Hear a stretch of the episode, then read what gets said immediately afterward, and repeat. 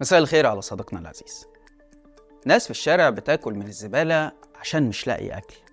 أرفف المحلات فاضية عشان في نقص حاد في السلع. الناس بتعمل المستحيل عشان تهاجر وتهرب من البلد بأي وسيلة بحثا عن النجاة. الدولار سجل مستويات تاريخية لأول مرة في البلاد. ده صديقي الوضع الحالي في فنزويلا. الدولة اللي بتقع أقصى الغرب بقارة أمريكا الجنوبية واللي بيحكمها الرئيس نيكولاس مادورو من سنة 2013 واللي مع بداية حكمه وصل التضخم ل 800% مادورو بدل ما يحل الأزمة لجأ لإلقاء اللوم على الدول الرأسمالية واتهم الولايات المتحدة والنظام العالمي إنهم سبب الأزمة وكان بيوزع الزيت والسكر على الفقراء عشان ينزلوا يتظاهروا ويأيدوه في الانتخابات. وهو الشعب يصبر ست سنين بس وفنزويلا هتبقى قد الدنيا. الشعب قال لك خلاص نغير الرئيس والأمور ممكن تتحسن. وفعلا في انتخابات 2018 ظهر عندهم مرشح معارض حاجة كده زي أحمد الطنطاوي وأعلن خوضه الانتخابات ضد مادورو.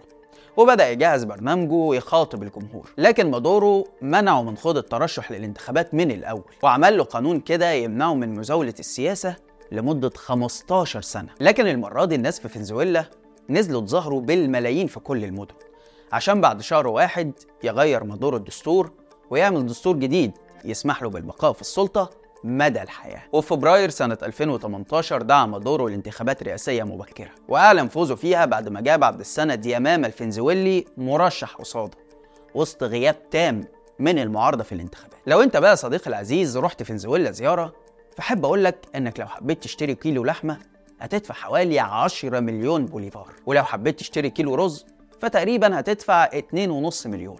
ولو كيلو جبنة هتدفع 7.5 مليون. لكن مشكلتك هنا مش هتكون الفلوس غالبا. مشكلتك الأكبر إنك مش هتعرف تشيل الفلوس. بعد ما وصل الدولار في فنزويلا لكام بقى؟ 3 مليون و600 ألف. يعني تقريبا عشان تحول مثلا 1000 دولار فغالبا اللي هيحول لك المبلغ ده مش هيعدي الفلوس. لكنه هيوزنها. وعشان تتخيل الموضوع أكتر فدي صور مشهورة لشراء بعض السلع في فنزويلا مقابل البوليفار زي القهوة الفراخ المناديل الصابون الجزر إلى آخر مشكلة فنزويلا الاقتصادية الكارثية تتلخص في عدة نقاط وده مش تحليل أنا ده رأي معظم خبراء الاقتصاد العالميين. أول مشكلة الفساد سواء سياسي بسبب إصرار الرئيس مادورو على سياسات اقتصادية أثبتت فشلها على مدار أكتر من عشر سنين غير قمعه للمعارضة وسيطرته على السلطة وتفصيل قوانين مخصوص عشان يضمن بقائه أو فساد النظام زي فساد مؤسسات الدولة وعلى رأسها الشرطة اللي أصبح الشعب الفنزويلي لا يثق فيها لدرجة إن في استطلاع رأي اتعمل سنة 2017 قال فيه أكتر من 73% من الشعب إن شرطتهم فاسدة و64% منهم قالوا إن رئيسهم متورط في قضايا فساد. كمان غياب الأولويات زي إن مادورو كان دايما معتمد على سياسة النفط لأن بلده غنية بيه ومع انهيار سعر النفط عالميا انهار الاقتصاد الفنزويلي اللي ما سخرش إمكانياته في زراعة أو صناعة أو تعليم عكس الدول اللاتينية الجارة اللي بدأت تنوع من مصادر دخلها وده اللي خلاه ما يقدرش يواجه الأزمة. طبعا أكيد وإحنا بنتكلم على الأزمة الفنزويلية أكيد عارفين إن الدولار كسر حاجز الستين في السوق السوداء بضعف سعره تقريبا عن السوق الرسمي. طيب إيه أوجه التشابه؟ بين أزمة فنزويلا والأزمة اللي ورطنا فيها نظام السيسي وإيه هي الحلول الممكنة لإنقاذ الاقتصاد المصري. ويا ترى هل في دول قدرت تواجه مشكلة التضخم وارتفاع الأسعار؟ ده اللي هنحاول نعرفه مع بعض في حلقة النهاردة. أنا عبد الرحمن عمر وده برنامج الحكاية.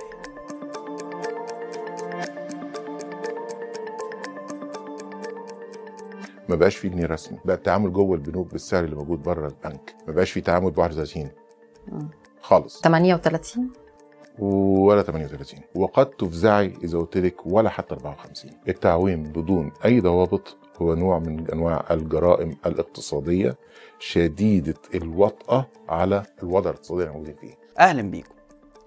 انهيار تاريخي للجنيه المصري بعد ما الدولار عدى ال 60 جنيه في السوق السوداء. أو بلاش نقول السوق السوداء. لأن خلاص ما بقاش حد يقدر يجيب دولار من البنوك ولا الصرافات. لك أن تتخيل يا صديقي إن خلال سنتين بس الدولار قفز من 16 جنيه ل 60 جنيه. يعني لو كنت مثلا بتقبض وقتها 4000 جنيه فكانوا هيبقوا عاملين 250 دولار. دلوقتي نفس ال 250 دولار دول عاملين 15000 جنيه. طيب هل في موظف أو عامل خد الزيادة دي في الراتب بتاعه؟ الإجابة طبعا لأ. داخلين على تعويم جديد خامس بقى ولا عاشر ما بقتش فارقة؟ لأن السيسي ونظامه ما شاء الله بقى يخلوا الجنيه يصيف ويعوم كل سنة. يعني كانوا مستلمين البلد بعد الانقلاب والدولار بستة ولا سبعة جنيه. دلوقتي الستة جنيه دي ممكن الدولار يزيدها في كام يوم عادي جدا. كان موجود على الترابيزة كل المعنيين من الأجهزة الأمنية والدولة تقريبا وطرحنا كان نوفمبر إن إحنا نطلق عملية الإصلاح الاقتصادي. وتعويم تغيير سعر الصرف. كل اللي كانوا قاعدين قالوا إيه؟ مدير المكتب الاقتصاد المالية الرقابة الإدارية الداخلية الدفاع. لا. قلت لهم يا جماعة هو العملية مش عافية. وزي ما سمعت كلام الرئيس المشير الخبير الاقتصادي فهو اللي أصر من سنة تقريبا على تعويم الجنيه وتحرير سعر الصرف. رغم إن كل الوزراء واللي معاه قالوا له لأ لكن طبعا نعدي القناية أحسن ما نعدي البحر. طب يا ترى ليه ما نفعتش وصفة السيسي السحرية للدولار؟ والأزمة بتزيد كل يوم عن التاني وارتفع خلال كام شهر أكتر من 15 جنيه. أنا هقولك أول حاجة هي الفجوة الكبيرة اللي بين البنوك والسوق السوداء. فطبيعي إن أي حد عايز يحول حتى لو 5 دولار مش هيروح للبنوك نهائيا وهيتجه للسوق السوداء. وده طبعا أثر على المغتربين اللي بعدوا تماما عن السوق الرسمية وبقى يحولوا فلوسهم بطرق غير رسمية سواء بقى بنظام المقصة يعني مثلا لو شغال في السعودية فيدي لحد دولارات في السعودية ويستلمهم منه في مصر.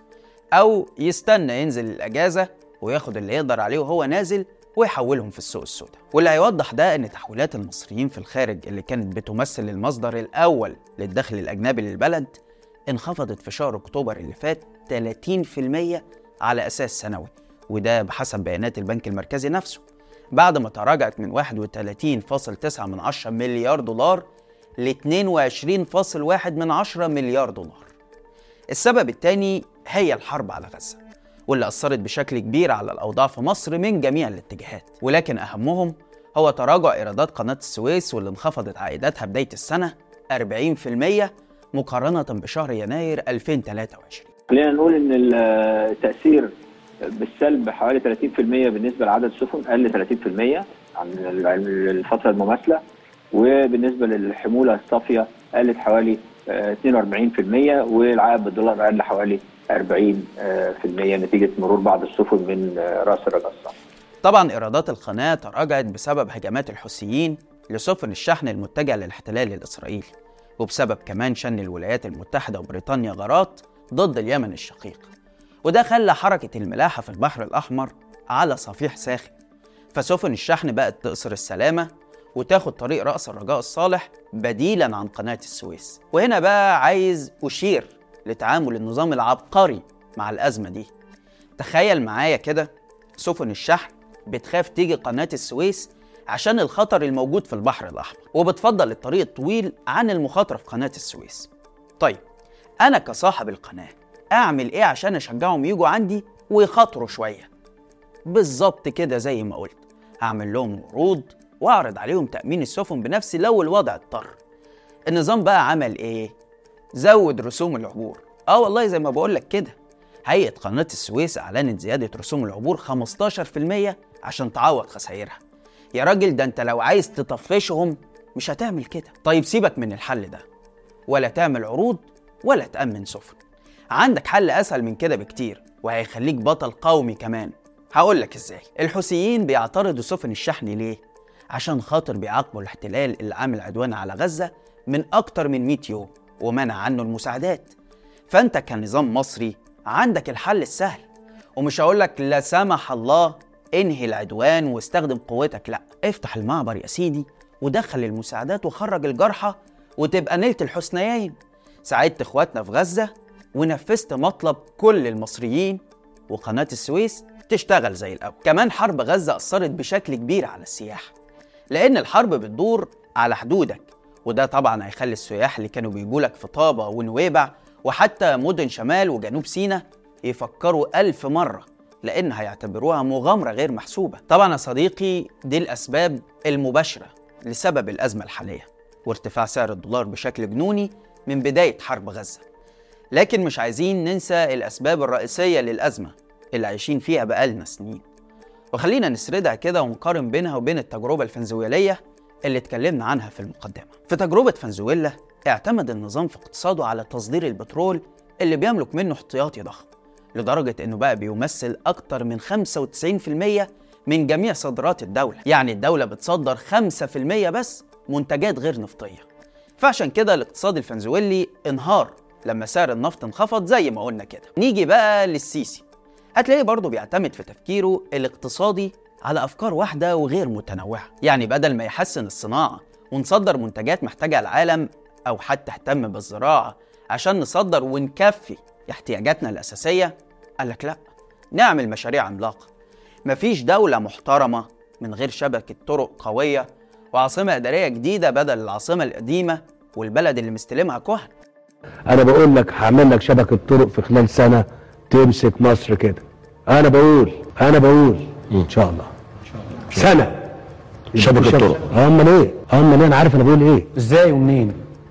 إزاي ده ممكن ومنين ده ممكن؟ فهنا بقى السيسي خد قروض بمليارات الدولارات أيام ما كان الدولار لسه في عز الرخص وحمل مصر ديون فوق طاقتها عشان خاطر يعمل عاصمة إدارية جديدة واصول رئاسية ومحطات كهرباء. وكانت النتيجة إنه بيتجه لبيع كل المشروعات دي عشان خاطر يسد الديون. بس هنا واجهته أزمة. محدش بيشتري سمك في مية يا جماعة. مفيش مستثمرين راحوا عاصمة لسه ما أثبتتش نجاحها وما بقتش دبي جديدة. وما تأثروش بقى بموضوع أكبر نجفة ده ولا حتى اهتموا بالبرج الأيقوني. فالحل إيه بقى؟ أيوه نبيع في أصول البلد الرابحة زي الفنادق والمصانع. ما هي دي الصراحة اللي يدفع فيها.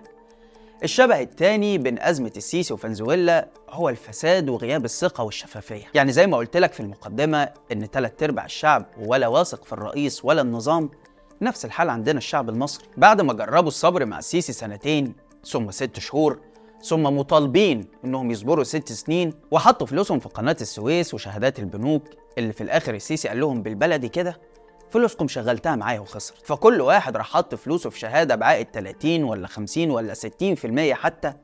صح النهارده ولقى فلوسه خسرت نص قيمتها بالفوائد. ولو كان اشترى بيهم ذهب ولا دولار وهو قاعد في بيتهم كان طلع كسبان. طبعا ناهيك عن سيطرة الجيش على المشروعات الاقتصادية وصعوبة المنافسة مع المستثمر المدني الغلبان. اللي مفيش على كتفه نجم ولا نسر. عدم الثقة في النظام مش بس أثر على المواطن أو المستثمر المصري لا. ده كمان أثر على المستثمر الأجنبي اللي بقى يصحى الصبح يلاقي وكالة موديز للتصنيفات الائتمانية غيرت نظرتها المستقبلية لمصر من مستقرة إلى سلبية. وبتقولك إن في مخاطر في الوضع الائتماني وسعر الصرف. فيعمل إيه بقى؟ مش هيخاطر بفلوسه عشان خاطر وعود السيسي لأ هيهرب بفلوسه واستثماراته ويقفل خالص. وهي خساره قريبة أحسن من فضيحة بعيدة. وده مثلا اللي عملته مجموعة الشايع الكويتية واللي بتملك حقوق عدد من البراندات العالمية زي H&M و Victoria's Secret. واللي أعلنت إغلاق متاجرها بشكل كلي وجزئي. يعني بعض البراندات هيقفل خالص والتاني هيتم تخفيض الفروع. وخليني أقول لك الشايع عملوا كده ليه. الفروع دي فاتحة في مصر وهنا هتواجه مشكلتين. الأولى إن القدرة الشرائية عند الشعب المصري قلت واللي بقى مش هيقدر يشتري من براند غالي.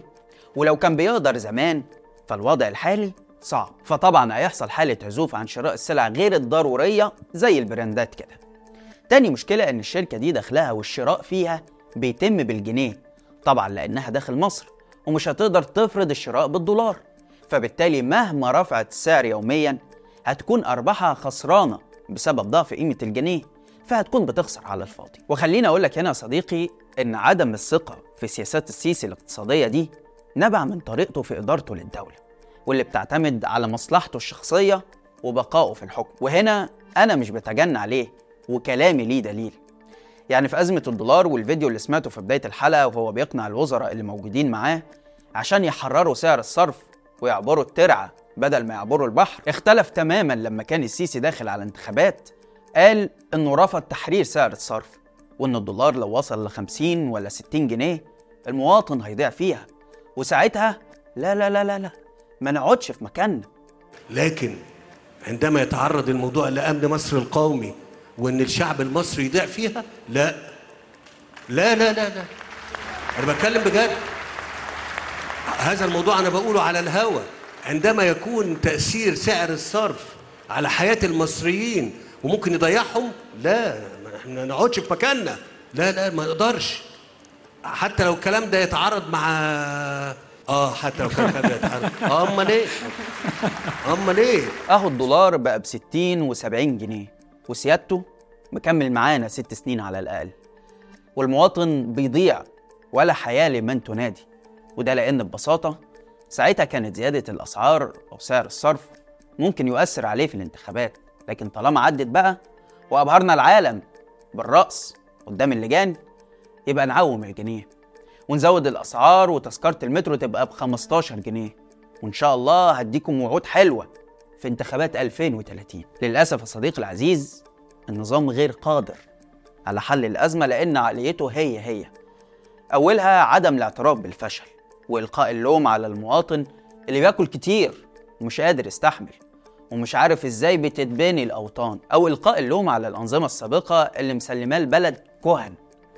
مع إن والله لما بنشوف اللي إحنا فيه بنقول هم زمان كانوا رؤساء مدورينها إزاي. طيب في ناس كتير بتقول لي في التعليقات يا عبد الرحمن انت دايما بتصدر المشاكل. أمال فين الحلول؟ أنا هقول لك زي ما وعدتك في بداية الحلقة. الحل يا صديقي زي ما إحنا بننفذ سياسات الدول الفاشلة اقتصاديا زي التجربة الفنزويلية اللي حكيناها في المقدمة. نشوف نماذج الدول الناجحة اللي قدرت تعبر أزماتها الاقتصادية. وزي ما جبت لك قصة فشل فنزويلا اللي في أقصى الغرب.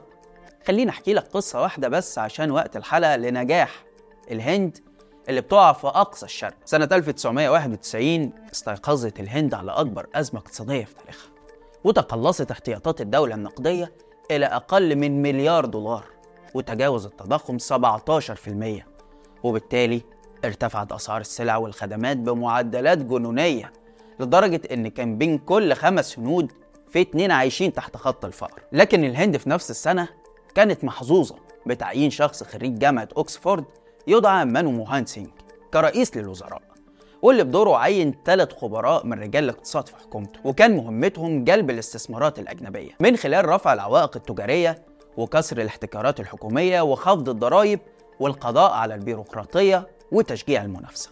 وبالفعل نجحت الحكومة في مهمتها وحولوا الهند من دولة مفلسة عشان تصبح حاليا سادس أقوى اقتصاد في العالم وتاني أقوى دولة في النمو الاقتصادي بعد الصين وسط توقعات لوصول قيمة الناتج المحلي الإجمالي ل 10 تريليون دولار سنة 2030 وفي نماذج تانية لدول قدرت تعبر أزمتها الاقتصادية زي ألمانيا بعد الحرب العالمية وماليزيا وتشيلي واستراليا والسويد. ممكن نتكلم عن قصصهم في حلقات تانية لو حبيت. الخلاصة صديقي إن حل أزمة الاقتصاد المصري مش مستحيلة لكنها عايزة خطوات. أولا الاعتراف بالأخطاء السابقة وتحمل مسؤوليتها ومحاسبة المسؤول عنها. لكن فكرة إلقاء اللوم على الشعب والأنظمة السابقة دي كلها حجج فارغة ثانيا تعيين أهل التخصص والعلم والخبرة الاقتصادية في مناصبهم الصحيحة. بعيد بقى عن ده لواء سابق وده من رجال النظام السابق وده ملوش أمان والكلام ده. مع إتاحة طبعا الحرية ليهم للعمل بعيدا عن أوامرك يا فندم واللي يخلص في سنتين هخلصه لك في شهر بدون دراسة عشان خاطر عيونك يا فندم. ثالثا بقى إتاحة الفرص للأصوات الإعلامية الحقيقية في الإعلام المصري اللي بترصد الأزمة وبتستضيف خبراء يكلموا الشعب عنها ويهاجموا سياسات النظام والرئيس لو غلط. رابعا إبعاد الجيش عن الاقتصاد وتشجيع المستثمرين المدنيين اللي دخولهم للسوق سواء مصريين أو أجانب. هينتج عنه آلاف فرص العمل وخلق منافسة قوية بعيدا عن الواسطة والمحسوبية. خامسا إلغاء القبضة الأمنية. وترهيب الشعب اللي بقى أمنيته بدل ما يبني بلده يهاجر ويسيبها لأن الخوف مش بيبني الدول. في النهاية أكيد في حلول كتير لكن هتلاقيها كلها بتتعارض مع وجود نظام السيسي ومفيش حل من دول هيتنفذ غير برحيل النظام. بس كده. لحد هنا والحلقة خلصت. شارك الحلقة لو عجبتك وتابع حساب شباك وحسابي على الإنستجرام هتلاقي اللينك في الوصف. واستنانا كل يوم اثنين وجمعة الساعة 7 بالليل بتوقيت القاهرة في حلقة جديدة من برنامج إيه الحكاية؟ سلام.